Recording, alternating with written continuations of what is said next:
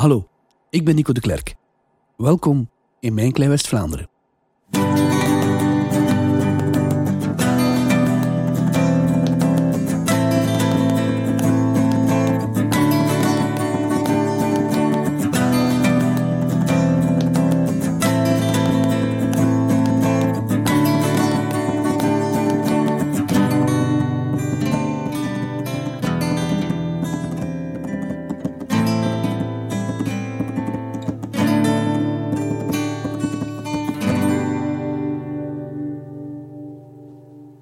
Aan onze Vlaamse kust.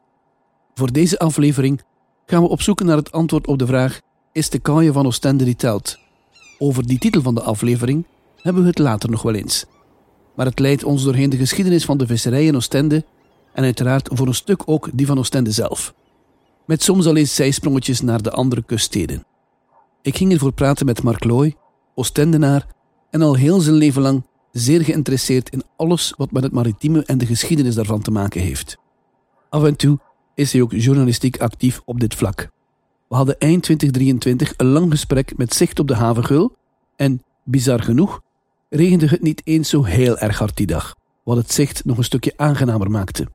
Natuurlijk moeten we ergens beginnen in dit verhaal en waarom dan niet meteen heel, heel, heel lang geleden.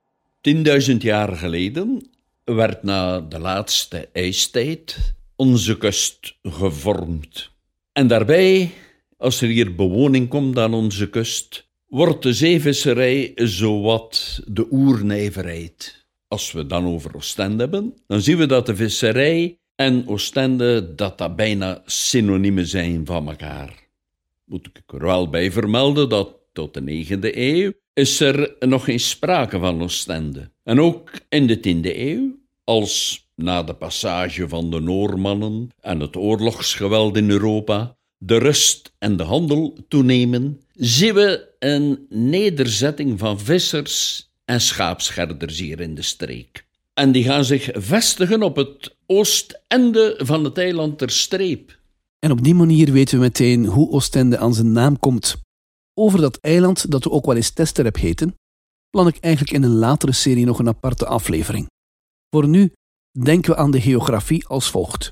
Aan het oostelijk einde van het eiland hadden we dus Oostende. Aan het westelijk einde, richting IJzermonding, hadden we, je raadt het nooit, Westende. En ergens in het midden was er een kerkje ter hoogte van Middelkerken. De getijdengeul Testrepvliet zorgde ervoor dat het eigenlijk een eiland werd bij hoogwater. En ten oosten van Oostende, ten westen van het huidige Bredene, was er de Brede Ede of de brede E. Ik probeer het even en lach niet met een paar uitspraken in de streektaal. Breiningen in het Oostens, maar vooral Breningen als je iets verder verwijdert van Bredene. Laat ons naar dit kort intermezzo vooral verder gaan met het verhaal van Mark. De gevangen vis en de schelpdieren zijn bedoeld voor de eigen consumptie in het begin natuurlijk. Maar eens dat de boten zeewaardig, en dan bedoel ik groter, en steviger worden en dat de visserijtechnieken verbeteren, dan zien we dat de vis ook belangrijk wordt als handelswaar. En zo groeit de nederzetting en krijgt Oostende zelfs in 1267 van gravin Margaretha van Constantinopel stadsrechten, allerlei privileges en een markt en een halle. En zoals ik zei, stilaan worden de vaartuigen groter en de visserijtechnieken beter. En begeven onze vissers zich altijd maar verder en verder op zee. En hebben we niet alleen meer de strandvisserij, zoals dat vroeger het geval was, maar hebben we ook al de kustvisserij en trekt men verder de zee op. En daarbij wordt dan, en dan ben ik al in de middeleeuwen, door de vangst op haring met drijfnetten, we noemen dat bij de vleet. We hebben het nog altijd in het Nederlands. Uh, bij de vleet betekent in grote getallen, eh, talrijk. En de vangst op kabeljauw met lijnen dan, de belangrijkste visserij. We hebben intussen al heel wat termen gehoord. Strandvisserij, kustvisserij, zeevisserij. Ik heb wel een idee bij die laatste twee, maar wat moeten we ons eigenlijk voorstellen bij het woord strandvisserij? Die strandvisserij, dat waren netten, eh, primitieve netten, die werden uitgezet, zoals men dat vandaag in feite nog door de amateurs ook gekend. En uh, men ging ook rapen, hè. zelfs krabben en mosselen en oesters die er ook waren. Dat kon allemaal gebruikt worden binnen de gezinssituatie om aan voedsel te komen. Zeker als we weten dat in die dagen in de middeleeuwen de helft van de dagen of zelfs meer vastendagen waren, waar men geen vlees mocht eten, dan was dat een welkome bron, zeker voor de mensen aan de kust, dat die zee er lag en dat die vis er was ook. Hè. Op die manier hadden de vissers op zijn minst iets om te eten. Ik kan me inbeelden dat het in die periode niet altijd zo makkelijk ging. Maar daar komen we straks wel weer eens op terug. Ik herinner mij alvast ook uit eerdere verhalen dat het oorspronkelijke Oostende, en of ook eventueel Walraverzijde, want dat was me tot nog toe nog nooit duidelijk geworden, eigenlijk onder water zijn gekomen. Vandaag is de Raverzijde een eh, wijk in Oostende, in Groot Oostende, maar heeft toch ook een belangrijke eh, geschiedenis binnen de visserij. Na een memorabele storm, zoals er bijna ieder jaar waren, en onze kust was bij lange nog niet verdedigd zoals we dat vandaag kennen. Na die storm in 1394, en die kregen allemaal een naam van de heilige van de dag, dat was de Sint-Vincentius, nacht en storm, zagen de Walraverszijdenaren een dorp dat we vandaag in feite op het strand zouden moeten situeren, het huidige strand, zagen dat dorp volledig in de golven verdwijnen. Ook Oostende verloor een deel, het huidige Oostende, het centrum bedoel ik dan, verloor een deel van zijn dorp, van zijn stad, dat definitief in de golven verdwenen is sindsdien. Achter de beschermende duinerij bouwden de Raverseidenaren dan een nieuw, een nieuw vissersdorp. En ze bleven verder aan strand- en kustvisserij doen, maar ook aan haringvisserij. De tijd staat niet stil. En dat was toen ook al zo. We zagen het al aan de evolutie van de vissersboten en de evolutie van strand over kust naar zeevisserij. Het beterde wel voor onze vissers, denk ik dan. Een belangrijke evolutie, dat is omstreeks 1400. Want dan leerden onze vissers het haringkaken. Dat wil zeggen dat de vis werd gegut, zoals we het vandaag nog altijd zo noemen, de ingewanden en de bloedkanalen en de kieuwen die werden gedeeltelijk verwijderd, zodanig dat de vis langer kon bewaard worden. En uh, is een methode die we feitelijk hebben geleerd van de Scandinaven.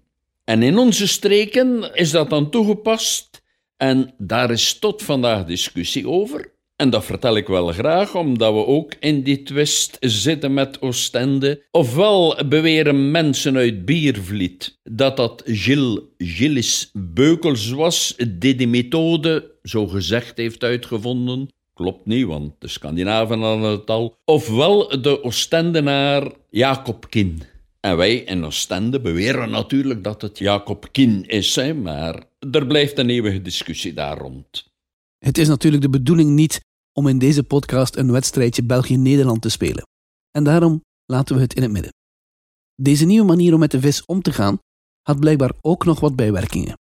Zo zou de specifieke methodiek hebben bijgedragen tot het rijpen van de haring en bekomen we zo die echte haringsmaak die je nu misschien in gedachten hebt. Dit zal dus zeker positief geweest zijn.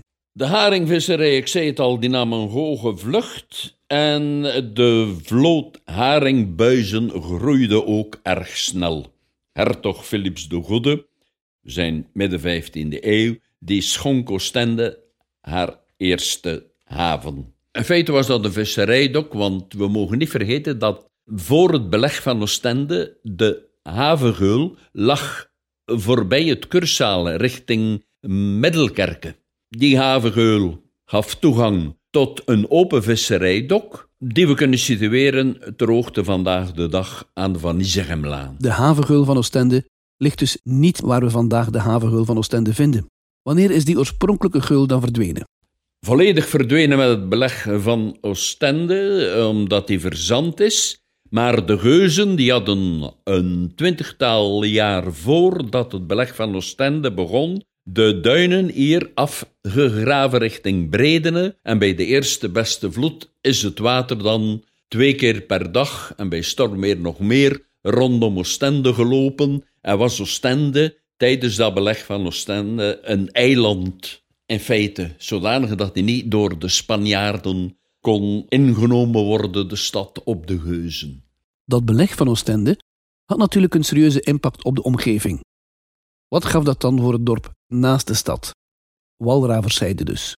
Met beleg van Oostende verdween dan het erg welvarende dorp definitief van de kaart. Tot de Raverzijde in feite met de komst van Leopold II, die daar in de duinen, in de verlaten duinen, een paar chalets bouwt, wat de start is van het koninklijk domein en vandaag het domein Atlantic Raverzijde. En Raverzijde ontstaat ook, en hij heeft daar ook de hand in natuurlijk, die Leopold II.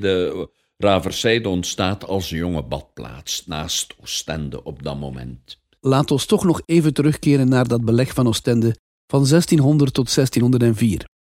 In die tijd moesten de mensen toch ook eten. En in een belegerde stad lijkt het me niet evident om ervoor te zorgen dat er ook voor iedereen eten op de plank kwam. Door het feit dat Oostende well, half en half omwald, maar door het feit dat Oostende volledig door de geuzen bezet was en dat de lokale bevolking, en zeker vrouwen en kinderen eerst, maar iedereen die niet akkoord ging met de, de katholieken vluchtten ook allemaal natuurlijk. En de geuzen deden van hier uitvallen tot in Brugge, tot in Yper, hè, gingen uh, plunderen en uh, boerderijen platbranden en wat weet ik veel, als ze daartoe de kans kregen. Maar de bevoorrading gebeurde vooral uit de Zierikzee, uit Vlissingen, Rotterdam en zo meer, kwam men via de nieuwe havengeul hier, kwam men Oostende binnen en er kwamen hier zelfs Nederlanders naar de markt. Hè? Dus er werd niet van s morgens tot s geschoten op elkaar. Soms waren het rustige periodes. Er was zelfs een soort fronttoerisme zelfs, hè? citytoerisme. Dat bepaalde generaals, Nederlandse generaals, een familie uitnodigden om hier een weekendje eens de beschittingen van het beleg van Oostende mee te maken. Hè? Even op citytrip naar oorlogsgebied dus. Maar wat deden onze vissers dan in die oorlogstijd? In oorlogstijd lag die visserij plat, want als men de zee optrok en er waren ook zeeslagen en zo meer, deelde men altijd in de klappen. Oké, dat betekende dus dat ze niet konden vissen. Maar wat deden onze vissers dan in de plaats daarvan? In oorlogstijd krijgt de visserij het altijd wat moeilijker. Dat blijkt ook zo tijdens de burgeroorlog bijvoorbeeld tussen Maximiliaan van Oostenrijk en de Vlaamse steden in de 15e eeuw. Dat blijkt tijdens de Tachtigjarige Oorlog. Dat blijkt ook in de Franse en de Hollandse bezetting. Dan zijn we al in de 19e eeuw natuurlijk. En in die tijden van zeeoorlogen werden onze vissers dan meestal kapers. Pas op, niet te verwarren met zeerovers of piraten. Want een kaper, dat is een zeeman die in oorlogstijd met de toestemming van zijn vorst, en die heeft dan toestemming via een kapers- of commissiebrief om vaartuigen van de vijand aan te vallen. En dan wordt de buit, dat kan zijn het schip, de vracht ook aan boord, de bemanning eventueel, ten gelde gemaakt. En een deel van die opbrengst gaat dan naar de vorst zelf, maar ook een deel naar de kaperskapitein en zijn bemanning. En wat is het grote voordeel voor de regerende vorst die zo'n kapersbrieven uitdeelt? Hij bespaart op zijn vloot, want hij moet zelf geen vloot bouwen, aangezien dat de kapers, zeg maar de vissers, hun eigen schepen mee hebben natuurlijk, hè? die ook het best bedreven zijn om hier in de moeilijke Noordzee de zandbanken te ontwijken en zo meer. En hij moet ook geen marine oprichten, of toch veel minder investeren daarin, omdat die vissers en die kapers de bemanning uitmaken. En daarin moet hij ook niet investeren. Hij deelt alleen in de winst. Ik heb in het recente verleden heel wat bijgelezen over de Vlaamse kapersnetwerken in de drie Vlaamse zustersteden: Oostende, Duinkerke en Nieuwpoort. Maar dat is best wel een uitgebreid verhaal. Ik vroeg aan Mark over welke kapers hij het precies had om het allemaal wat te kunnen kaderen. Als we aan Duinkerke denken, denken we aan de legendarische Jean Bar of aan de even onsterfelijke Surcouf uit het Bretonse Saint-Malo bijvoorbeeld, als zijn namen die in de geschiedenis geënt staan als kapers en kapersnesten ook. Maar Oostende was daarin ook wel erg belangrijk en die kaperij is er dankzij de visserij. Want een kaper moet erg goed de zee kennen en dat was natuurlijk de kennis van onze vissers. Daar konden we niet naast. Hè. We hadden het al over Jean Bar. En als je Jean Bar zegt, verwijs je meteen naar de tweede helft van de 17e eeuw. Zijn oud-oom, dat is een oom van vader of moeder, was de Oostendenaar Jan Jacobsen. En dat was er me ook al eentje. En Jan Jacobsen, daarvan weten we dat hij op 3 oktober 1622, terwijl dat hij een treffen had op onze Noordzee met de Hollanders, met de vijand dus, dat hij het bevel gaf aan een van zijn matrozen om het vuur aan het kruidvat te steken, zodanig dat hij zelf en de rest van zijn bemanning niet in handen van de vijand zou vallen, maar ze hebben zichzelf dus opgeblazen om te vermijden dat. Kijken we in diezelfde periode, dan zien we ook vaak de naam Jacob Besage opduiken. 17 juni 1629. De Hollandse blokkade voor de Vlaamse kust proberen zij en probeert Jacob Besage met zijn bemanning en zijn kleine vloot te breken, maar de Oostendenaars gingen daarbij het gevecht aan met een Hollandse overmacht. Dat was ongeveer voor Duinkerke, Calais ongeveer, in, in het kanaal dus. Die Hollandse vloot stond onder het bevel van admiraal Piet Hein. De Hollandse zeegeld werd daarbij gedood door Jacob Besage. Helaas, een paar uur later wordt ook Jacob Besage, de kaperskapitein, getroffen door een kogel en sneuvelt ook, maar hij wordt dan eervol begraven in de Sint-Pieterskerk, dus de voorloper van de Sint-Petrus- en Pauluskerk, die op dezelfde plaats te situeren valt, wordt hij daar binnen de kerk begraven. Wat teken van eer was ook. Voor wie het verhaal van Piet Heijn niet kent, wil ik toch even aanraden om een en ander eens na te lezen. Het is wel een zeer boeiende periode uit onze geschiedenis, maar het gaat veel te ver om er hier veel dieper op in te gaan. Het lijkt me alvast een gevaarlijke bezigheid om als vissers over te schakelen op het kaperschap. Waarom deden ze dat eigenlijk? Omdat ze konden mee profiteren en het was een rijke bron van inkomsten als ze een ander, maar vooral vijandelijk schip kaapten natuurlijk. Hè? Want als ze hetzelfde schip kaapten, maar ze hadden nog niet gehoord dat het vrede geworden was, dan werden er opeens automatisch werden het piraten. Hè? En konden ze ter dood, wat meestal gebeurde, ter dood veroordeeld worden dan ook. Hè? En met dat vooruitzicht sluiten we de kapersverhalen even af. In die periode kennen we dus, als er geen oorlog is, ook nog de haringvisserij. We zouden het bijna uit het oog verliezen. We hebben intussen zeewaardige vissersboten of visserschepen. Ik weet dat het gevoelig ligt en ik hoop dat er geen enkele visser die dit hoort aanstoot neemt aan mijn gebrek aan kennis hierover. En zich vooral focust op mijn goede bedoelingen. Als we terugkeren naar die haringvisserij van pakweg die 15e en 16e eeuw, bracht dat ook rijkdom voor de stad.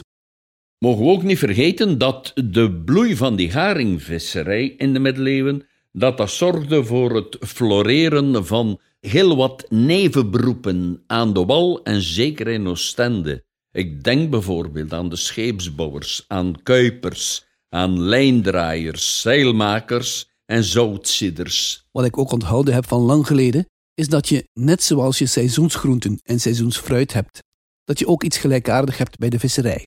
Hoe zat het precies met het vangstseizoen van de haring bijvoorbeeld? Dat vangstseizoen van de haring, dat begon traditioneel op Sint-Jansdag. En dat is 24 juni. En dat duurde tot 1 november. Want toen trokken ze al met een zeilschepen, met een vissersboten, volgden ze de trek van de haring. En dat ging dus vanaf die 24 juni, trokken ze naar het Skagerrak ten noorden van Denemarken. Ze volgden in feite de haringscholen. Uh, volgden ze dan tot aan de Schotse kust. Dan zakten ze af langs de Engelse oostkust. Dan kwamen ze hier voorbij de Vlaamse banken. En zo tot aan het kanaal, maar dat waren we al, laten we zeggen, begin november. En dan stopt het haringseizoen. En met die toeristische rondvaart in de Noordzee hebben we ook een blik op de haringvisserijperiode. Ik ga ervan uit dat de vis die ze zo ver van hier vingen, niet meenamen naar Oostende. Ondertussen landen de vissers hun vangst ook in Engeland en in Schotland. Dus ze liepen daar havens binnen om hun vangst te verkopen, hè, want zo lang konden ze niet weg. Ze hadden niet de hedendaagse apparatuur aan boord natuurlijk. Dus in de havens van de Oost-Engelse kust. En daarbij dreven de reders van Raverszijde, of van Walleravers ook nog handel met Engeland en Schotland. Met andere woorden, Walleravers en zoals het vandaag nog bewaard is, ook binnen het openluchtdomein Raverszijde, dat was een erg, erg welvarend vissersdorp. En gelukkig erg goed bewaard, omdat er daar, ja, beleg van Oostende is er natuurlijk gepasseerd dan, wat later. En dan is het dorp volledig van de kaart geveegd, omdat daar ook uh, troepen gelegerd waren. Maar uh, wat die handel betreft, werd bijvoorbeeld Brugs aardewerk naar Engeland getransporteerd en brachten ze van daaruit steenkool mee en wol mee voor onze wolneverij hier in Vlaanderen. Dus dat was een erg drukke bedoeling. Hij ziet al dat de visser ook op die manier commerçant is in feite en de zee gebruikt als zijn transport daarvoor. Visserij en handel zorgden er dus voor dat bijvoorbeeld Walraverszijde erg welvarend was in die latere middeleeuwen. Al die handelsactiviteiten zullen later ook nog een belangrijke rol spelen.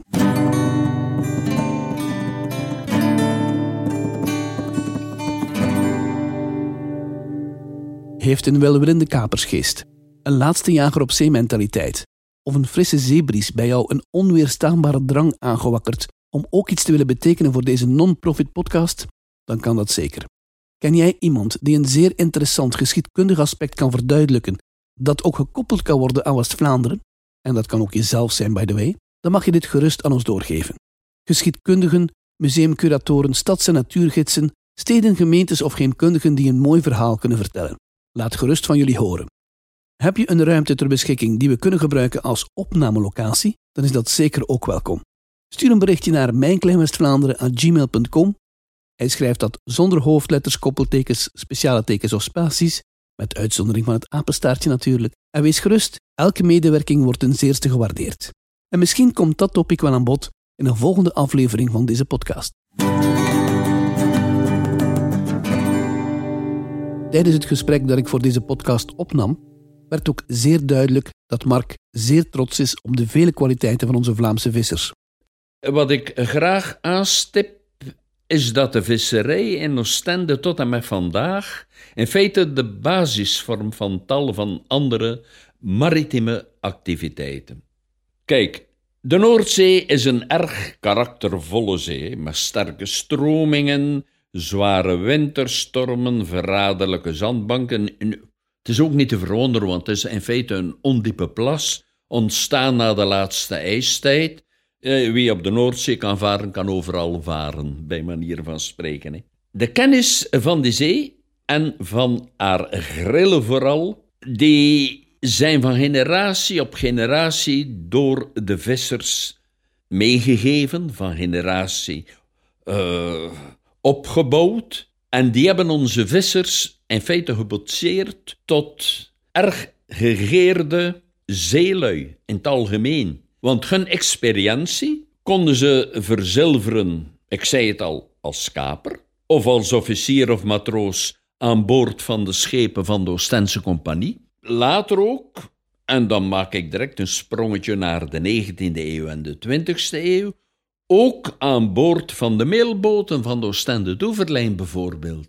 Want als die mensen tien of twintig jaar als visser gevaren hadden, dan wilden ze ook wel eens misschien wat langer thuis zijn, een geregeld leven hebben. En aan boord van die Oostende Doeverlijn, de latere RMT ook natuurlijk, de opvolger ervan, werden ze ook erg gewaardeerd.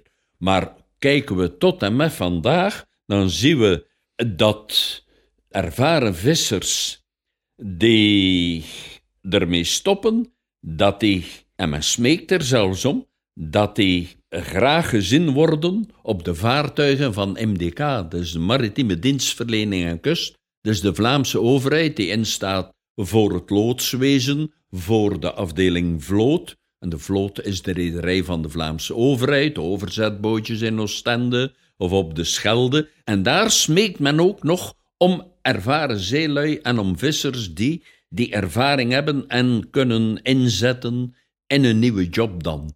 En zelfs tot en met de windmolens op zee. Dat wordt de nieuwe economie natuurlijk, die offshore-economie. En daar ook zien we dat die eeuwenlange ervaring van de vissers, van generatie op generatie doorgegeven, dat men daar ook erg blij mee is dat die categorie van zeelui er is.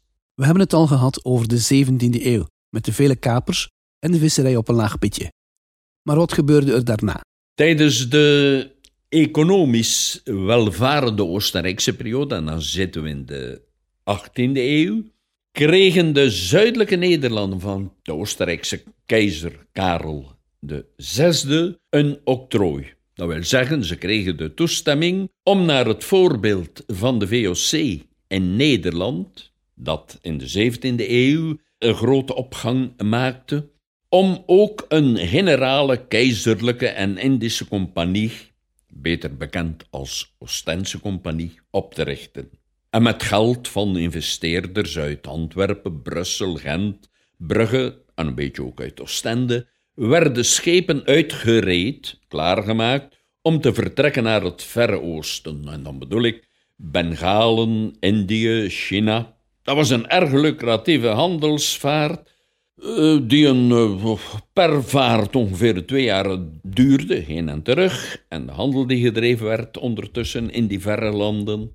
Maar dat zorgde voor ongeziene winsten.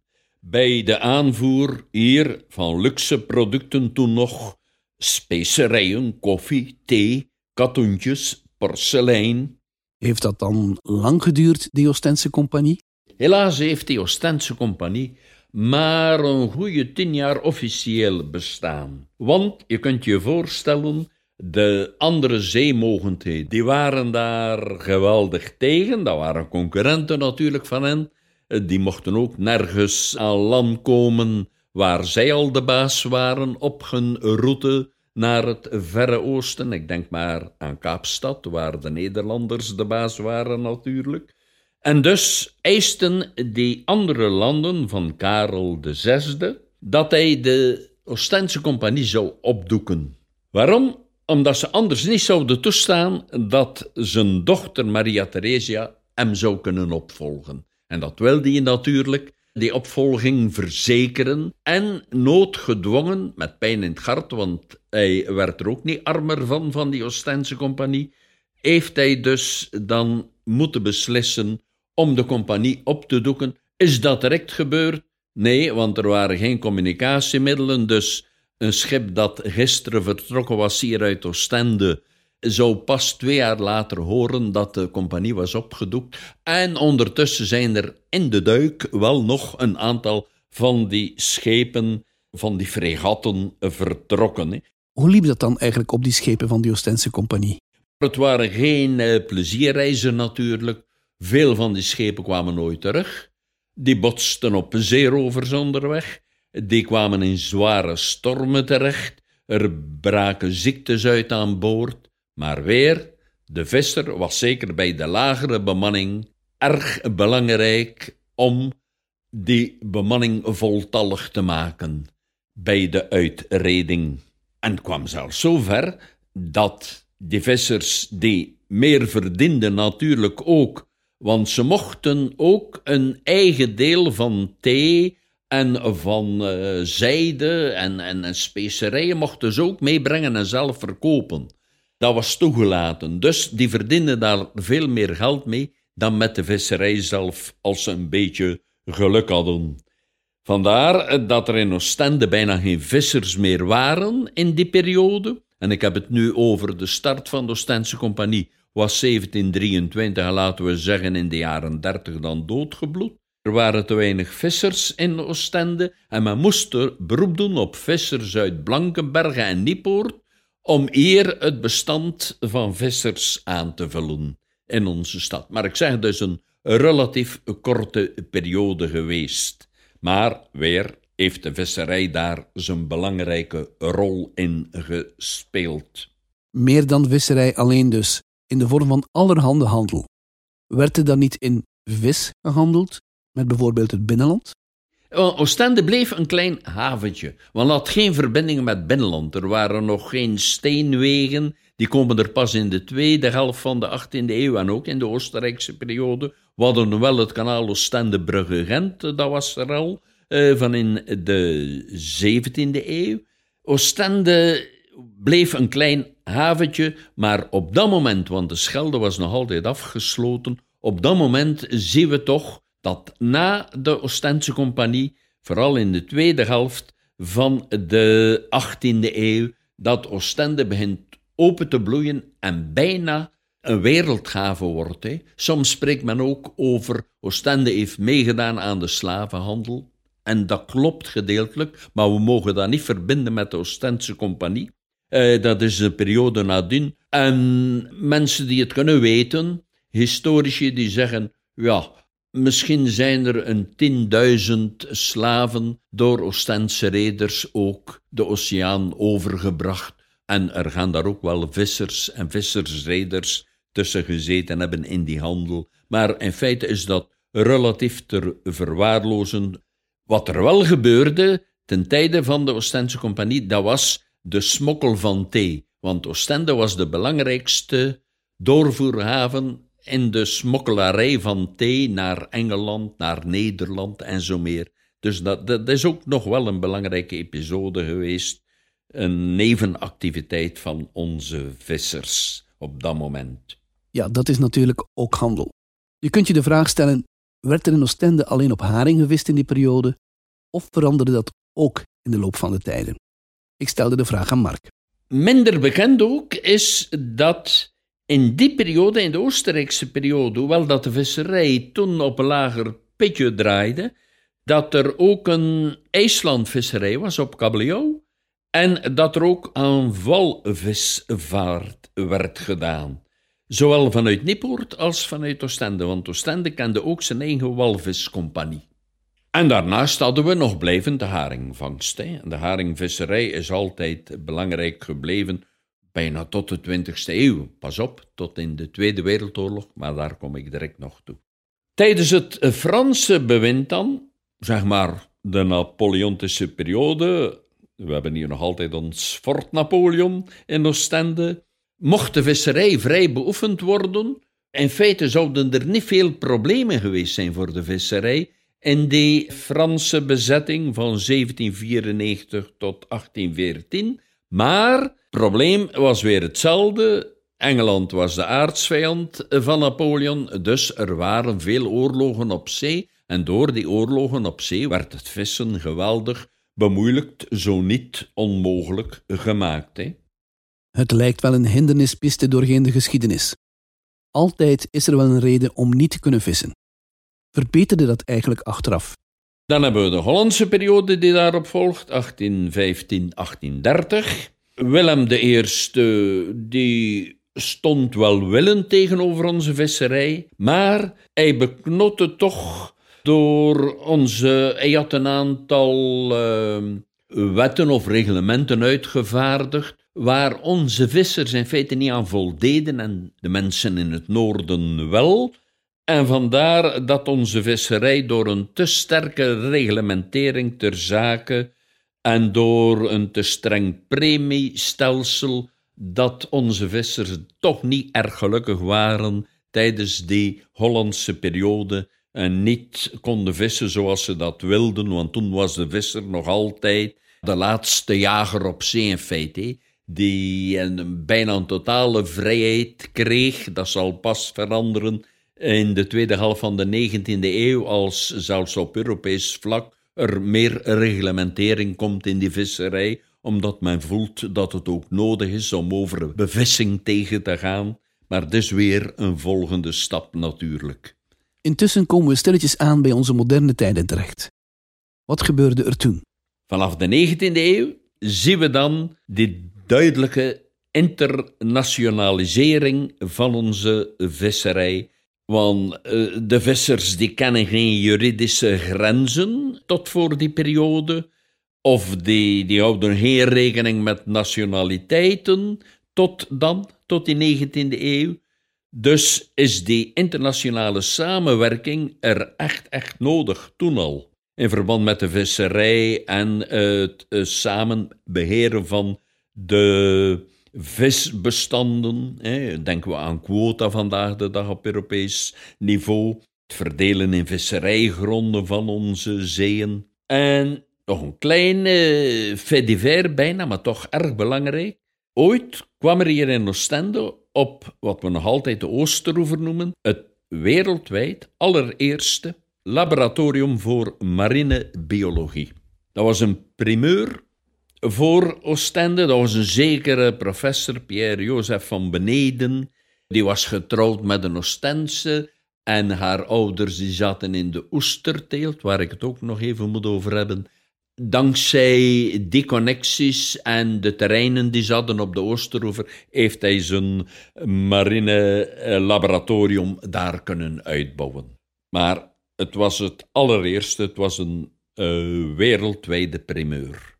Trouwens, die oesters waren een belangrijk uh, nevenproduct in de visserij in de 19e eeuw, omdat die, ja, die werden uitgevoerd tot bij de tsaar in Moskou, de Russische tsaar, die werden uitgevoerd tot in Parijs, tot in Versailles ook. En er waren hier op een bepaald moment meer dan twintig oesterkwekerijen. Tot in het centrum van de stad waren er oesterputten, zelfs in de Lange Straat waren er, zijn er vandaag nog aan te wijzen. Zijn verdwenen natuurlijk vandaag de dag. Maar de Oostense oester, dat was de rijkdom op de Europese rijke tafelen. Hè. Dat kon ook wel omdat er toen al een spoorwegnet was. Hè. We hebben de eerste spoorwegverbinding Brussel-Gent, Brugge-Oostende. En dankzij dat spoornet konden die oesters in de gepaste tijd vervoerd worden naar hun rijke bestemmingen. Het zeewater komt misschien ook bij jou spontaan in de mond bij het denken aan de Oostendijze. De lekkere oesters uit Oostende kwamen dankzij de technologische ontwikkeling van het spoorwegennet veel verder dan voorheen. Die toenemende mechanisatie in heel de maatschappij heeft natuurlijk nog gevolgen. Ook voor de vissers in Oostende. We zijn in de 19e eeuw en op het einde van de 19e eeuw hebben we nog een erg, erg belangrijke evolutie, want we moeten rekening houden dat de haringvisserij, de visserij richting IJsland en de walvisvisserij, maar dat gebeurde allemaal nog met zeilschepen. En op het einde van de 19e eeuw, om precies te zijn, in Oostende komt het eerste stoomschip. Later spreken de Oostendenaars van visbakken. Komt het eerste vaartuig aangedreven door stoom. In 1884 in Oostende toe. Wordt aangekocht ergens in Engeland of Ierland. En gaat dus hier in bedrijf. En dan heb je natuurlijk een lange periode dat de stoomvisserij blijft bestaan naast de zeilvisserij. Had dat allemaal een grote invloed op de lokale vissersbevolking? Stel je voor, een gewone visser die hard heeft gewerkt, die kan zich na lang, lang sparen permitteren om zelf een bootje te laten bouwen van 6, 7 meter waarmee hij aan kustvisserij gaat doen. Dat lukt nog allemaal. Maar als men een stoomschip bouwt en twintig jaar later de eerste motorschepen in de vaart brengt, dan eh, kan een gewone visser eh, zich dat niet meer, zeker niet in de 19e eeuw, permitteren, want die leefde hier in de grootste armoede, op de visserskaai en de belendende straten erachter. Dus hij kan dat niet aan. En dan ontstaan de grote NV's, de Pêcherie Vapeur bijvoorbeeld, en veel andere grote rederijen, waar rijke zakenlui in investeren. Ik denk aan een monument zoals John Bowes die dan allerlei fabrieken had ook om de vis te verwerken, die een ijsfabriek had. Trouwens, nu ik over ijs spreek, een belangrijke evolutie is ook dat we overstappen. We hebben het kaken van de vis in de 14e eeuw, maar in de 19e eeuw zien we dat het zout en het kaken van de vis, wat ook het inzouten betreft natuurlijk, dus ongeveer hetzelfde, en het drogen van de vis, dat dat vervangen wordt door het ijs. En oorspronkelijk voeren schepen, zeilschepen van hier naar Scandinavië om natuurlijk ijs aan te voeren in de ijskelders die er ook nog waren, ook hier op het Azengras. Maar later zien we dat dan ijsfabrieken ontstaan, maar dat ijs dan het bewaarmiddel wordt natuurlijk voor onze visserij tot vandaag de dag ook nog altijd. Hoi, vind jij het concept van deze podcast leuk? Vind je het fantastisch dat we terugblikken op de geschiedenis van West-Vlaanderen? En wil jij jouw steun betuigen? Draag dan alsjeblieft dat enthousiasme uit naar anderen. Deel jouw positieve feedback met zoveel mogelijk mensen via sociale media en mond-tot-mond reclame. Hoe meer luisteraars, hoe meer motiverend het werkt voor ons als makers. En dat zowel voor mezelf als voor de potentiële gasten die hun verhaal komen vertellen. Vind je jezelf niet zo sociaal? Dan kun je jouw feedback nog altijd delen via het podcastplatform waarop jij luistert of op onze Facebookpagina. Wil je ons alleen maar een hart onder de riem steken? Dan kan dat ook via een mailtje naar mijnkleinwestvlaanderen.gmail.com. Hij schrijft dat zonder hoofdletters, koppeltekens, speciaaltekens of spaties, met uitzondering van het apenstaartje. Hier kan je ook terecht voor allerhande andere feedback, suggesties of vragen. Ik plan een speciale statusaflevering om de zoveel afleveringen, zodat dat ook teruggekoppeld kan worden naar andere luisteraars.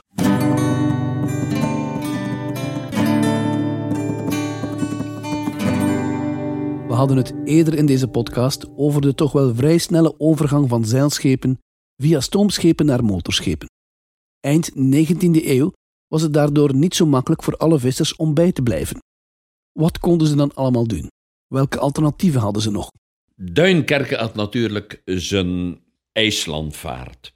Einde 19e eeuw, begin 20e eeuw. En waarom vermeld ik Duinkerke? Omdat er toch veel van onze Vlaamse vissers, zij het veel minder vanuit Oostende, maar er zullen er ook wel een paar geweest zijn, maar veel vissers van de westkust die trokken in de maand januari naar Duinkerke om daar in een café aan te monsteren bij een reder van een van die galetten of van die schoeners, topzeilschoeners waren dat, waarmee dan vanaf februari werd afgevaren richting IJsland voor een campagne van zes maanden, waarbij men maar één keer eh, ongeveer halverwege in de zomer voet aan wal zette op IJsland om even de kleren eh, te kunnen wassen, vers eh, proviant op te slaan, drinkwater en zo meer. Maar dat was een heroïsche periode. Als we daar de verhalen waar wij nu over zwijgen, maar als we die verhalen horen, formidabel. Maar om maar te zeggen dat onze West-Vlaamse vissers toch een vierde van de bemanning, en ze waren met ongeveer 20 à 25 aan boord, op die galetten, dat een vierde van de bemanning West-Vlamingen waren, toch? Hè? En dat ze met open armen werden verwelkomd daar. Maar wat zien we dan? Dat met de stoomvisserij en met de motorvisserij gaat zich geleidelijk aan. Duinkerke blijft belangrijk, maar geleidelijk aan. Wij hebben een haven in Oostende, dus die grote schepen kunnen hier makkelijk aanleggen. Moeten niet zoals in de pannen op het strand getrokken worden.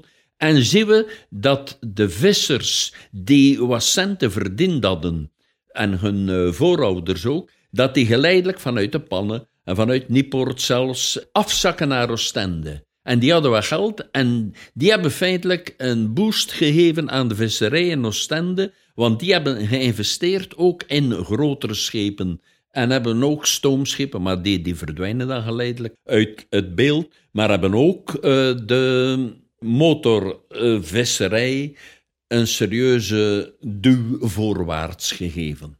Een boost ook voor de Oostense visserij dus. En een link met IJsland.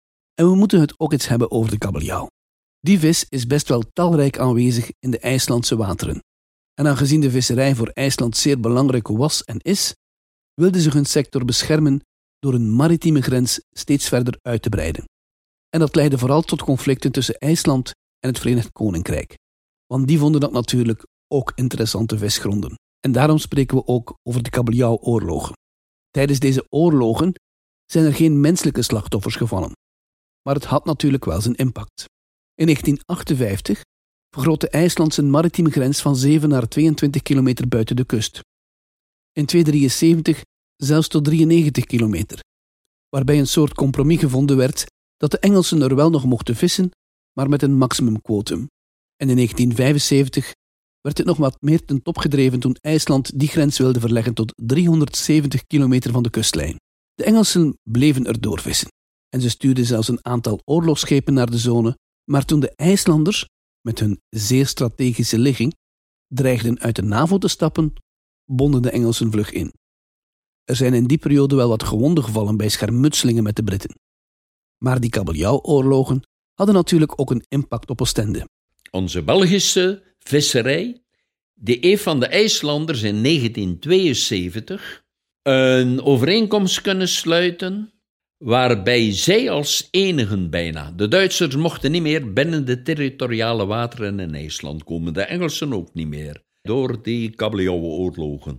Wij mochten dat wel, maar het was een beetje een, ja, hoe moet ik het noemen? Een, uh, je weet, in een contract moet je altijd de kleine lettertjes lezen. En in die kleine lettertjes van die overeenkomst stond er, kijk, jullie Belgische vloot, je mag bij ons komen vissen op, in bepaalde visserijgronden binnen de territoriale grens. En die lag op 200 zeemijl, dus er was plaats. Maar jullie hebben nu, in 72, nog een 18, 19 vaartuigen, IJsland vaartuigen. Als die vaartuigen in de vaart zijn, mag je met die vaartuigen komen. Maar één keer dat het laatste van die vaartuigen uit de vaart is genomen, dooft het contract de overeenkomst automatisch uit. En dat is gebeurd. Reder Willy Versluis, die neemt de Amandine, nu een museumschip, in 1985 uit de vaart omdat het niet meer rendabel was. Hoge brandstofprijzen, men is geen zes maanden meer, maar toch nog altijd 18 dagen onderweg, heen en terug. Vier dagen varen, tien dagen vissen, vier dagen terug. Dus die kabeljauw was ook al niet meer zo ver als hier werd aangeland in de vismijn. Dus dat was niet meer rendabel. En door het feit dat Amandine uit de vaart is genomen, mogen wij nu ook niet meer naar IJsland vissen. Het gevaar zit hem in een klein hoekje, of in het geval van de IJslandvisserij, in de kleine lettertjes en dat had dus gevolgen voor onze visserij. Wie Oostende vermeldt, spreekt ontegensprekelijk ook de naam Leopold II uit. Had zijn aanwezigheid een grote invloed op de stad?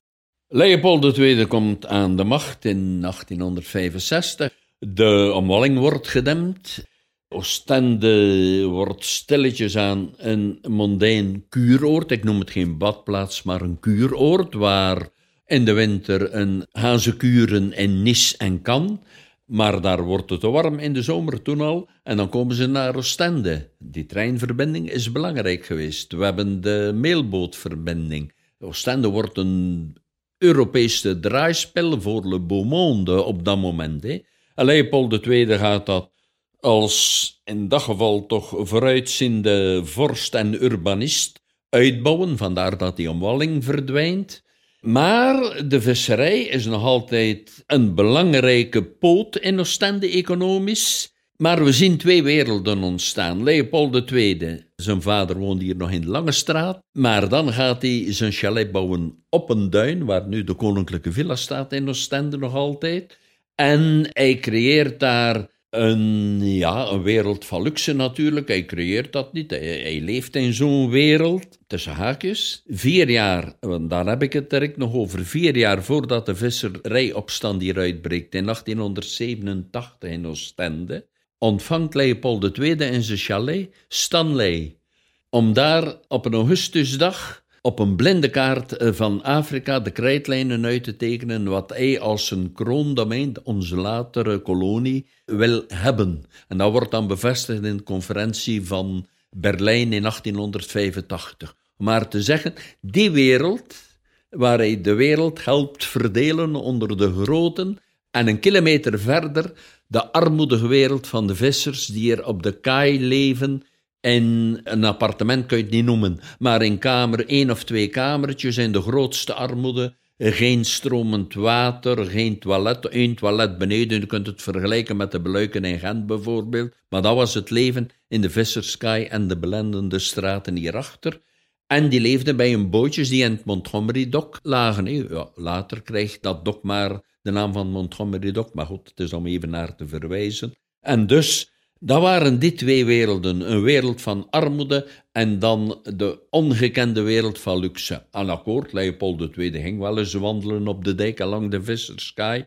Maar bij mij weten trok hij zich het lot, in tegenstelling later met Albert I en Koninklijk Werk Ibis, trokken zich het lot van die vissers niet veel aan. Hè? We zouden natuurlijk eindeloos veel kunnen vertellen over de koninklijke aanwezigheid in Oostende, inclusief een aantal pikante details. Maar ik beloof dat we dit in deze aflevering tot een minimum beperken. Ik wil nog even terugkeren naar Raverside, dat rond dat beleg van Oostende in de periode 1600 tot 1604 verdwenen was. Maar waarom kennen we het dan nu nog? Ik sprak over Walraverside, een belangrijk vissersdorp, omdat er ook handelsactiviteit was met een deel met Engeland en zo meer.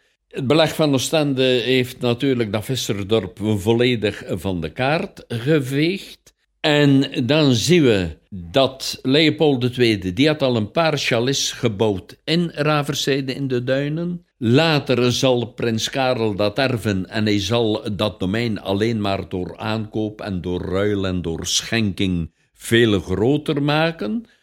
Als hij prinsregent af is na de Tweede Wereldoorlog in 1950, als zijn broer, zijn oudere broer Leopold III terugkeert en weer op de troon wil, maar dat lukt dan niet. En dan wordt het Boudewijn die koning wordt. Maar dan trekt prins Karel zich volledig terug in dat domein Raverzijde.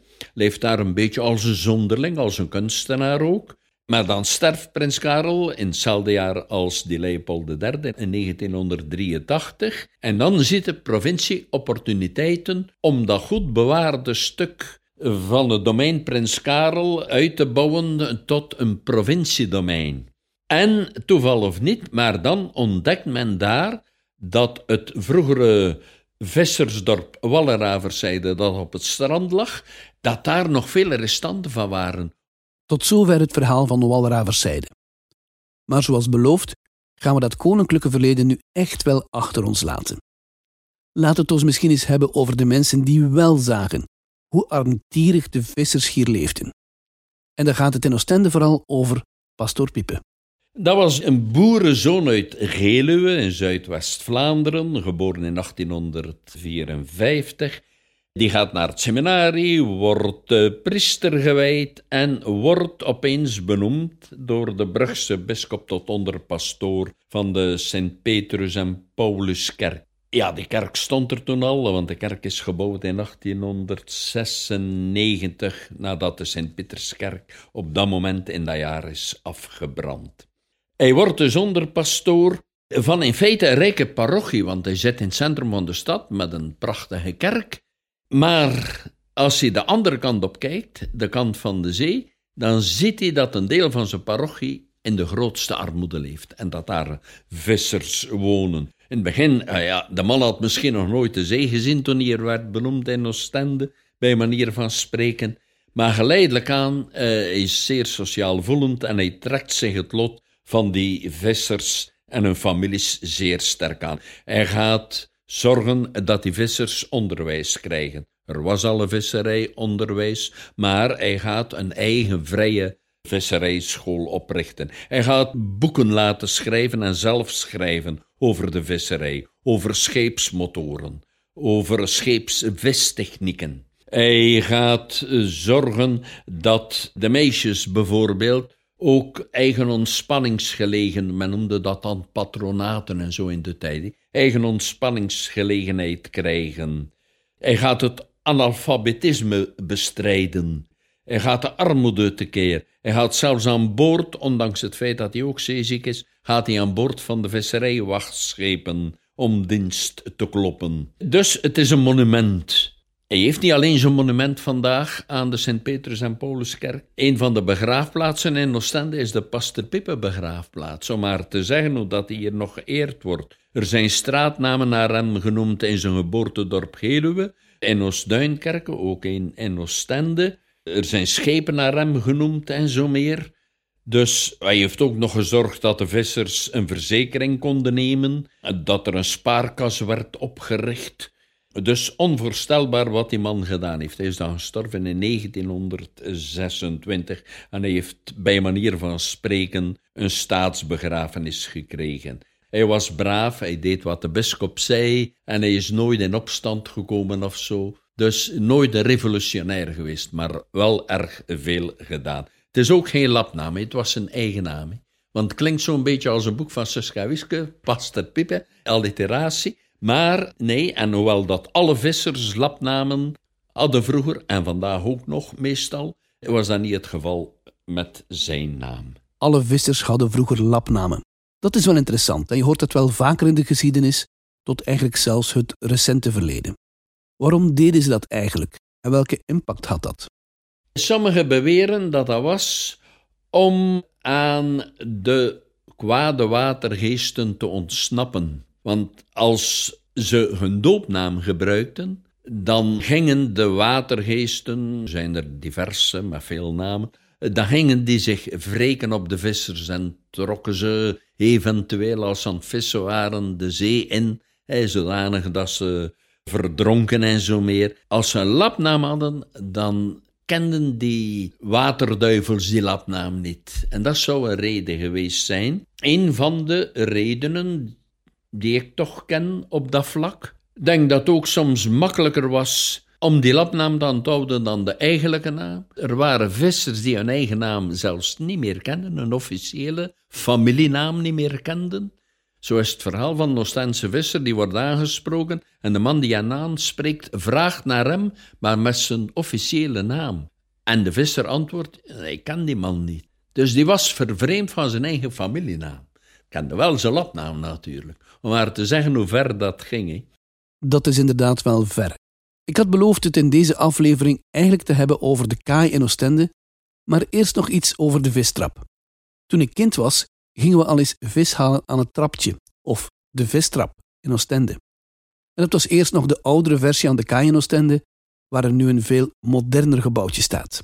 De kustvissers die hebben altijd, of toch zeer lange tijd, een vizier neergezet op de vistrap. En in feite, de vistrap, het gebouwtje zelf dat we vandaag kennen, is nog de enige uitzondering die toegelaten is om daar garnaal te verkopen zonder dat die eerst de vismijn gepasseerd is. En ook eh, de bijvangst, tong en zo meer. Dat mag hier nog verkocht worden. En vroeger was er een drukkere bedrijvigheid. Als ik zeg, alle vissers en hun families leefden op de kaai en in de straten erachter. Dus het volledige leven van de visserij speelde zich af op de kaaien. Binnen was het niet gezellig, hadden ze geen plaats voor die kroosterrijke gezin. Van als ze konden, liepen ze op de kaai, speelden ze op de kaai, werden er netten gebreid op de kaai. Keek men uit totdat een man terugkeerde, of niet terugkeerde, helaas, van de visserij en zo meer. Dus dat was de biotoop van de Oostense visserij. Totdat zich dat verlegt naar de overkant, naar de Oosteroever, waar men dan die nieuwe visserij uitbouwt. En waar we vandaag zien, om de lijn door te trekken, dat er nieuwbouw komt, dat er een nieuwe wijk, een derde wijk, vuurtorenwijk ontstaat vandaag de dag, die niks meer met de visserij te maken heeft en dat de visserij enigszins, ze hebben nog een dok, akkoord, maar als we dan het aantal schepen bekijken, en dan moet ik wel even mijn cijfertjes erbij halen, om dat even te staven.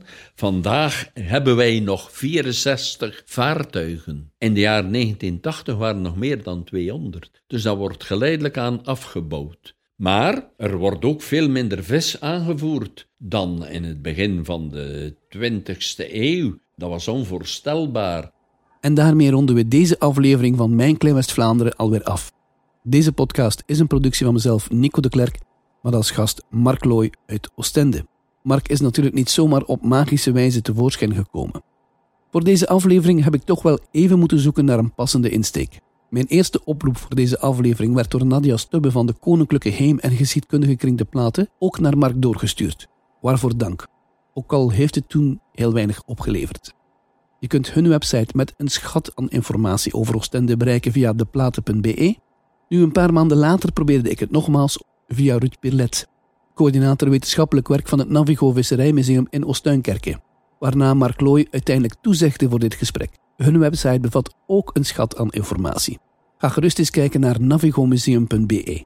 En ik was bij haar terechtgekomen dankzij de mensen van het VLIS, het Vlaams Instituut voor de Zee, bereikbaar via vlis.be. En vlis schrijf je met een Z. Bedankt aan iedereen die voor deze aflevering een rol gespeeld heeft, of overwogen heeft om eraan mee te werken maar soms is het door omstandigheden gewoon niet gelukt.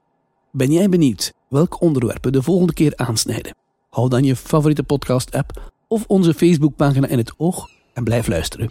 Tot dan.